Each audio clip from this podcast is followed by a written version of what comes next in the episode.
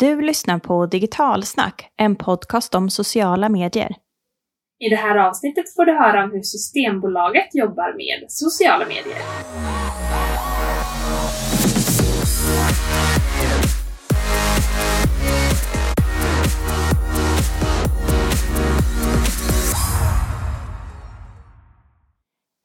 Hej och välkommen till Digitalsnack social media podd. Här är ju podden som ger er intressanta gäster och intervjuer. Mm, och just idag så får vi inblick i hur Systembolaget, som vi alla känner till, jobbar med sina sociala mediekanaler. Mm, jag fick en pratstund med Emma Eriksson som är social media-koordinator på Systembolaget. Och vi pratade lite kring det här utmaningarna med att vara ja, statliga, sälja alkohol, hur funkar det på sociala medier? Och just att använda sociala medier utan att faktiskt sälja någonting. Och så här lät det.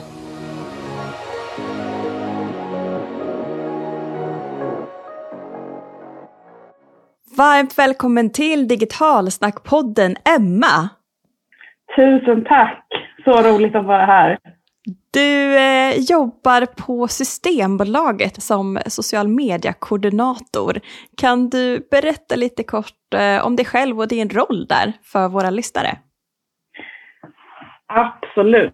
Jag jobbar på Systembolaget eh, och eh, det har jag gjort eh, ja, nästan ja, lite över tre år nu. Tiden går fort och jag ansvarar som du sa för våra sociala medier. Då. Och det betyder att jag jobbar väldigt mycket med innehållet som ja, vi skjuter ut i de olika kanalerna, både det köpta och organiska. Jag jobbar mycket med att planera innehållet och utveckla det och följa upp och optimera och allt det där som man gör när man jobbar med sociala kanalerna. Min bakgrund ser egentligen helt annorlunda ut. Jag har jobbat i butik innan eh, med det visuella, det vill säga att jag har jobbat mycket med styling och inredning i butik och det gjorde jag över tio år. Men eh, ja, efter två år i, utomlands i London så, så kände jag så här, nej, men nu, nu flyttar jag hem och då i samma veva så bytte jag liksom helt som många andra gör och skolade om mig till någonting som jag, ja, jag tyckte var roligt och var väldigt intresserad av. Och då blev det sociala medier. Så på den banan är det. Och vad ska jag säga mer om mig själv? Min senaste besatthet är ju absolut som många andra Clubhouse. Känns ju inte helt otippat eh, att det har blivit så stort i pandemin. Men, ja. Och vad, vilka liksom, eh, grupper har du letat dig in på på Clubhouse? Vad är liksom intresset? Jag är ganska ny där fortfarande. Eh, men det är mycket marknadsföringsgrupper och sådär som jag har hittat till. Men igår så eh, hittade jag till en liten skvallergrupp Eh, i Stockholm också som jag tyckte var roligt. Ja, vad härligt. Mm. Vi kanske kommer komma tillbaka och prata Systembolaget och Clubhouse kanske om ett år. Vem vet vart det tar vägen. Spännande i alla fall att den har verkar verkligen skjutit eftersom den lanserades bara i april förra året. Så ja, det är ganska häftigt med hur pandemin har utvecklat. Och vi ska prata mer om eh, pandemin och kommunikation och hur ni har jobbat med det. Men jag tänker Systembolaget är ju ganska specifikt, eller det är speciellt om man jämför med andra typer av företag, hur ni måste förhålla er kanske till olika lagar och regler och sådär på sociala medier. Vad skulle du säga är liksom den största skillnaden när du kommunicerar som Systembolaget än om man är liksom ett vanligt företag eller organisation eller kommun? Mm. Äh, men alltså den största skillnaden från andra företag eh, är ju såklart att vi inte vill kränga så mycket produkter som möjligt. Vi har ensamrätt på att sälja alkohol, men vi ska ju göra det med ansvar och vi ska ge god service och eh, ja, informera om alkoholens eh, baksidor också. Och att sälja ansvarsfullt så betyder ju att vi inte har några kampanjer, kampanjpriser eller som andra kommersiella företag har. Vi har ju också begränsade öppettider, men vi har också åldersgräns på 20 år. Vi kontrollerar åldern på yngre genom att kolla lägg. Vi arbetar också mot landning, så vårt kommunikationsuppdrag är egentligen att prata lite om vårt sortiment, men på ett sätt som ja, inte uppmuntrar till att dricka alkohol. Och samtidigt som vi gör det så ska vi prata om alkoholens baksidor och skadeverkningar. Mm. Det som också är speciellt det här med åldersgräns i butik men också digitalt. Hur funkar det? Ja, många som liksom har varit inne på vår sajt vet ju att vi har en disclaimer eh, där det bland annat sa liksom, är du över 20 år? Och precis eh, så kan det vara i sociala kanalerna också. Som på Instagram exempelvis så finns ju funktionen då att man kan ställa in att ingen under 20 kan se vårt innehåll och den använder vi oss av. Men det där kan ju se såklart lite olika ut. Det är svårt att begränsa det helt i, i social såklart. Så att det är superviktigt där att vi är väldigt försiktiga. Varför finns då Systembolaget på sociala medier? Ni behöver ju inte sälja någonting, som du sa. Så varför? Varför finns man på sociala medier? Mm. Vi finns ju där såklart för att bygga eh, relationer med våra kunder och följare. Vi behöver ju som alla andra möta kunden där de är idag och det, det är i våra sociala kanaler också. Och vilka kanaler är det ni använder idag? Idag så finns vi på eh, Facebook, LinkedIn, Twitter och Instagram och vi har ju eh, såklart lite olika inriktningar på, på de mm. kontona. Och vad, finns det någon primär kanal som ni matchar mot en viss målgrupp eller hur har ni, du sa att ni kommunicerar lite olika, kan du berätta lite mer om det? Ja, absolut. Sist ut eh, är ju Instagram. Vi var lite sena på bollen där, men Instagram är ju en kanal där man ofta vill hämta liksom inspiration och se fina bilder och det är mycket, ja, det är mycket mat och dryck på den kanalen. Och eh, där hittade vi vårt sätt att eh, kommunicera det här. Så mm, det Mer inspiration. Och tänker målgrupp, är det mm. liksom min målgrupp, millennials, eller är det äldre eller är det yngre eller? När vi startade vår Instagram eh, så hade vi många följare redan, även fast vi inte hade något innehåll där. Och då gjorde vi en liten analys om vilka är det som, som följer oss egentligen. Och det var ju många som är intresserade av just mat och dryck och de frågorna. Så, ehm, det var mer en intressestyrt än åldersstyrt kan man säga. Ja, men precis. Mm. Och Facebook då? Det är ju en kanal som inte jag använder alls senaste typ ett och ett halvt åren. Vad lägger ni upp istället där? Vad är fokus? Fokus på Facebook är vårt uppdrag kan man säga och eh, pratar väldigt mycket om baksidorna kring eh, alkoholen.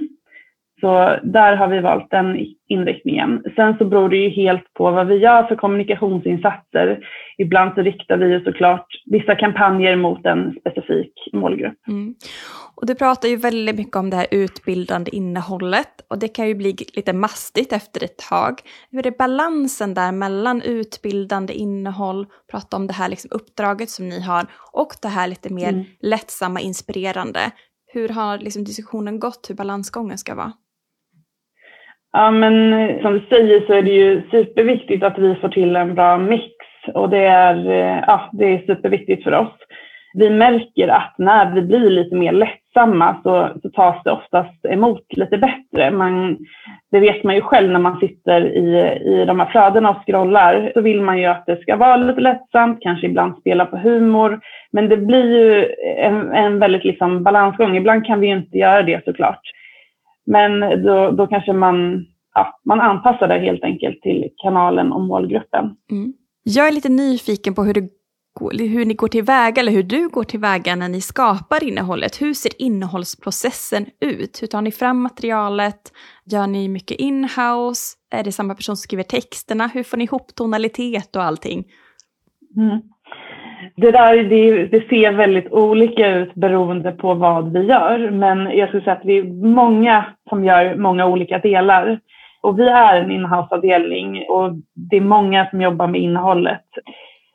Så eh, idéer kan komma från någon som kanske inte jobbar med innehåll egentligen, utan eh, en, en, en bra idé kan växa fram på många olika sätt. Och jag tror att det är viktigt att vara liksom, öppen för det, speciellt eh, när man jobbar med sociala medier. Mm. Och vad ger då bäst effekt? Du är ju lite inne på det, men ser ni också rent grafiskt, om det är bilder eller grafiskt innehåll, video, text? Vad är det som, som har funkat generellt sett bäst? Och kanske om det skiljer på de olika kanalerna? Ja, men det gör det ju såklart. Och även här så är det ju superviktigt med en liksom, materialmix så att vi får in både rörligt foto och. Men jag skulle säga att det beror lite på vad vi pratar om och att det varierar. Eh, och som, som du var inne på så varierar ju också beroende på vad vi är i för kanal. Då. Men om man tittar på vår liksom, köpta annonsering så, så brukar ju oftast rörligt material gå bäst. Instagram som jag var inne på är ju en så visuell kanal, det kanske foton funkar bättre i flödet. Men det gillar ju att sticka ut med sina bilder även, även där. Så, så vi har märkt att ibland så kanske något grafiskt kan funka för att få dra till sig blicken i flödet. Men egentligen så är väl kanske det viktigaste att det är relevant innehåll och att det är anpassat för kanalen. Man kanske liksom snarare idag på sociala plattformar vill ha inspiration, man vill liksom få till sig något värdefullt och lära sig något snarare än att liksom bli matad av att det här är det med massa fakta. Vi försöker jobba väldigt mycket med att försöka få följarna involverade i innehållet. Mm. Så, ja. Mm. Jag brukar säga att fredag eftermiddag är en svår tid att publicera något eh, informativt och tungt. Jag brukar säga att säljer man inte vin eller chips så ska man nog undvika den tiden. Har ni, mm. ni är ju liksom Systembolaget, funkar det bra för er att publicera en fredagkväll eller ser du hur er målgrupp interagerar med era inlägg under olika dagar eller tider? Mm, alltså det beror ju helt på kanal, men just om du frågar fredag kväll så skulle jag säga att det funkar med Instagram väldigt bra. Där folk sitter och kanske vill ha inspiration till vad man ska eh, kanske kombinera för dryck med sin eh, fredagstacos exempelvis. Så att eh, ja, det funkar. Ja. Och där har vi ju sett att kanske lite så lättsammare grejer funkar som quiz är en, en sån grej som vi har väldigt bra engagemang på i vår vår kanal. Bra grej att tipsa om. Använder ni då stories-formatet eller använder ni så här carousels eller hur bygger ni upp ert quiz? Mm. Det är ju eh, ofta stories som vi, vi kör sådana saker i. Men vi har testat lite olika. Men eh, det viktigaste är liksom att beroende på vad vi gör så, så försöker vi alltid involvera eh, den som kollar. I, det kan vara med frågor, det kan vara med quiz, det kan vara med ja, någon poll eller sådär. Men ja, stories är väl kanske den främsta kanalen som vi gör det i. Mm. Och sociala medier tycker jag är så himla häftigt för man får ju en direkt feedback och kan prata med sin målgrupp egentligen nästan dygnet runt. Finns det något så ögonblick som du minns som har varit lite så här, ja men jättevarm känsla, det känns lite magiskt? Tanke på att men du pratar mycket om ert uppdrag som liksom Systembolaget, att det är lite mer speciellt för er att finnas på sociala kanaler. Har du ett ögonblick där du kände, ja men det är fasen värt för oss att vara här i de här kanalerna? Men alltså det finns många inlägg och uttag och kampanjer som jag är superstolt över att vi har gjort och eh, men känt att det här har träffat rätt. Men om jag ska lyfta någonting så kanske i, i den här pandemin som vi alla har drabbats av så, så har ju vi som Systembolaget också behövt gå ut och liksom prata med våra kunder och följare om vad vi gör för att minska smittspridningen. Men men också eh, liksom fått be våra kunder att ja, men hålla avstånd i våra butiker och kanske komma ensamma när man ska handla och planera inköpen och sådär. Och ett uttag som vi gjorde mm, för ett tag tillbaka nu eh, var när vi anspelade på kanske Systembolagets mest kända kampanj, Spola kröken. Det är många som känner till den. Den togs ut 70-80-talet och ja, men där gav vi liksom uttaget en retrokänsla och det blev eh, till slut spola-knöket. Det vill säga vi uppmanade till att inte gå in i butikerna när det var knökfullt. Och, ja, men det blev ett väldigt fint uttag och lättsamt men eh, såklart väldigt allvarligt. Mm. Men framförallt blev det väldigt mottatt väldigt bra i kanalen som vi tog ut det i och det var Facebook då. Mm, men sen så, det finns ju massa saker som Black Friday-uttaget som vi gjorde för några år tillbaka som blev Just Friday. Där fick vi en chans att berätta att, ja, men, vilka vi är och att vi inte har några speciella öppettider den här fredagen och inga kampanjpriser. Och, ja, vi inte heller den här klassiska cykeln på köpet när man handlar någonting. Så det blev ju också en väldigt lyckat. Mm. Men jag får den här liksom, frågan så brukar jag ändå vilja lyfta dialogen. För jag tycker det är så otroligt fint när våra kommunikatörer som sitter och modererar våra kommentarsfält får vara personliga.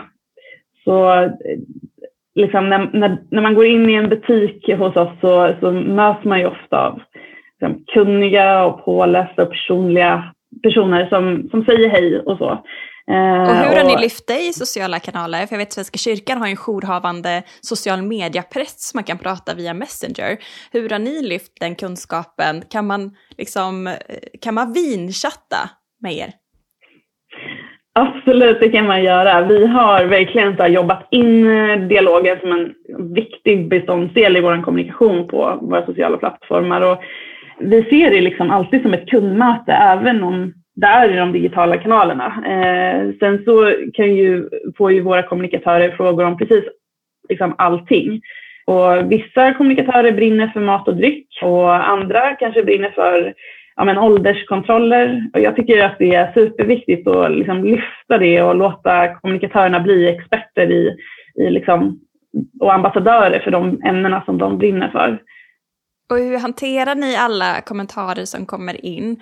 Har ni liksom jour? Eh, hur på dygnet svarar ni på kommentarer? Har ni en policy? SJ som jag pratat med innan, de hade ju 30 mm. minuter för svarade kommentarer. De lever ju i en liten annan bransch kan man säga. Hur ser hanteringen ut? Mm. Ja, men idag sköts all moderering av vår kundtjänstavdelning och det är ju liksom många olika kommunikatörer med olika bakgrunder.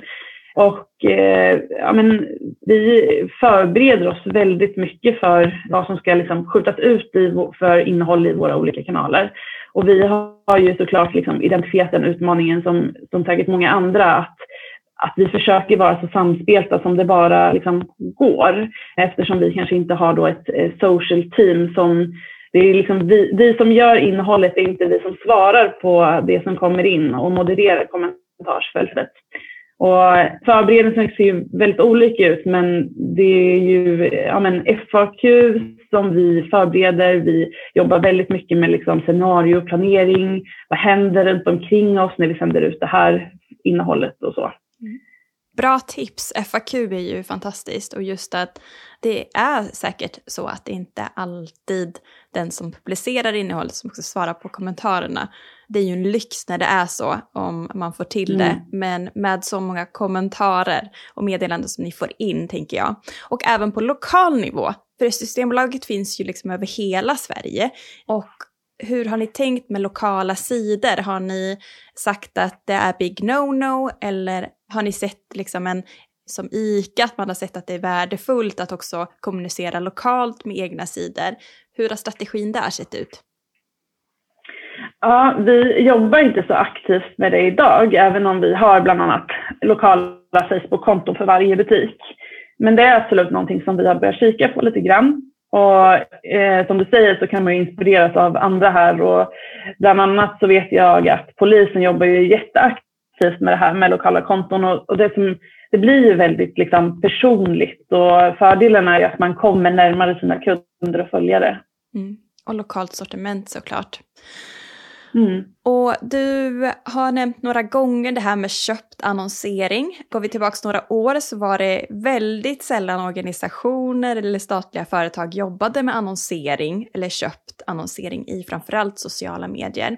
Eh, men du nämner det lite grann. Kan du berätta, för att ni ska ju fortfarande inte sälja någonting, så vad är det ni skapar, exempelvis kampanjer och kör ni sponsrade inlägg och skapar kampanjer i Ads Manager? Hur ser den köpta annonseringen ut? Mm. Nej, men idag så är ju eh, social media liksom en, en räckviddsmedia. Så jag skulle säga att det är en förutsättning att, att man annonserar för att nå målgrupperna som man, som man vill nå. Och idag så ingår social liksom i våran, våran kanalmix. Och det som är lite speciellt för oss är ju att vi har ju hela Sverige som målgrupp verkligen. Men det här ser ju såklart lite olika ut beroende på vilka vi vill nå just då och ja, men vad vi, vi ska kommunicera. Men som du nämnde så gör vi ju såklart aldrig eh, reklam eller eh, annonsering för produkter. Mm. Och vad liksom mäter och utvärderar ni av ert arbete i sociala medier eftersom ja, men konverteringar kan absolut inte bara vara köp utan såklart att man slussas vidare till webbplatsen och läser mer om ett visst. Hur och vad mäter ni? Ja, men det här är ju liksom superviktigt. Jag brinner för det här. för att få veta om vi får någon effekt på vad vi gör så måste vi såklart eh, mäta och utvärdera och det, det gör vi på många olika sätt.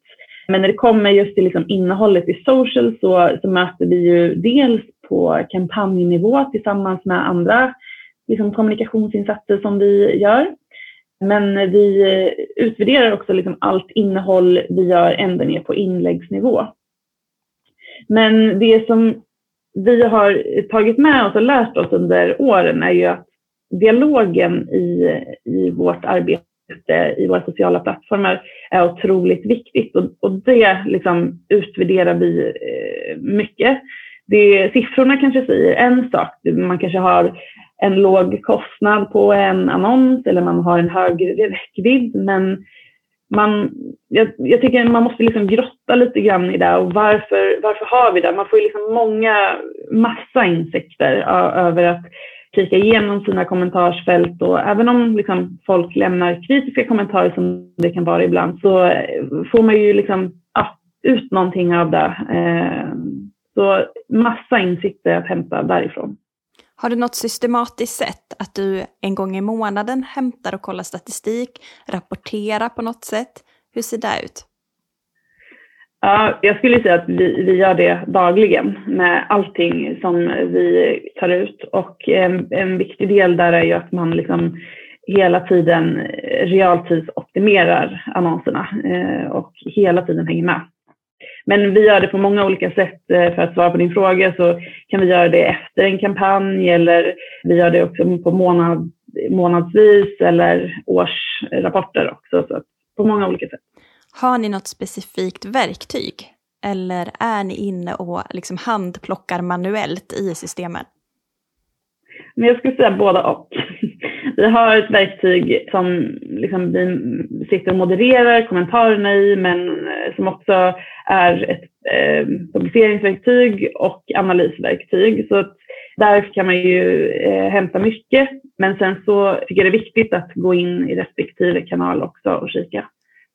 Om du skulle sammanfatta dina tre bästa tips att lyckas på sociala medier till våra lyssnare, vad skulle de här vara?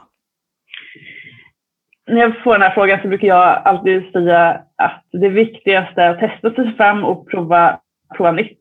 Det kanske låter lite klyschigt men jag tror ändå liksom att det är viktigt att hålla fast vid det. Kanalerna ändrar sig ju superfort. Eh, nya kanaler kommer. Ja, nu är det Clubhouse.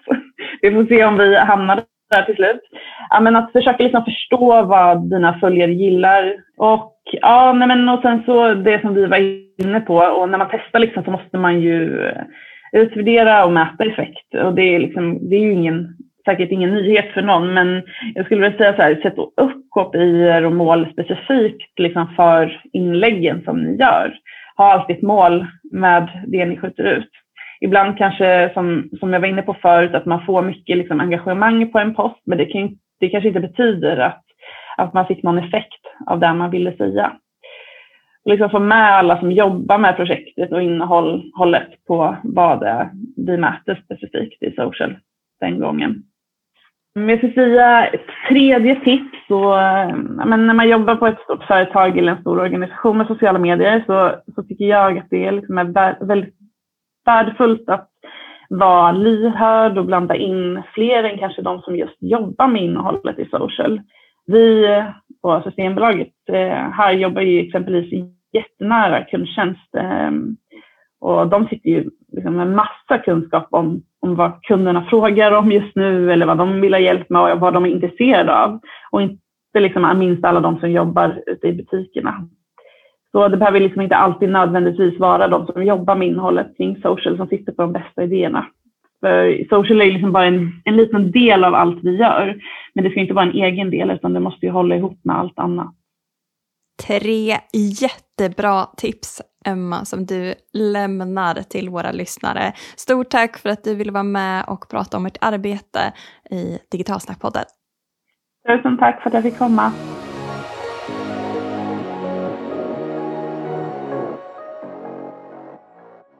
Stort tack för att ni har lyssnat på det här poddavsnittet. Och dela gärna och tagga oss i dina sociala kanaler att ni lyssnar på något och några av våra avsnitt.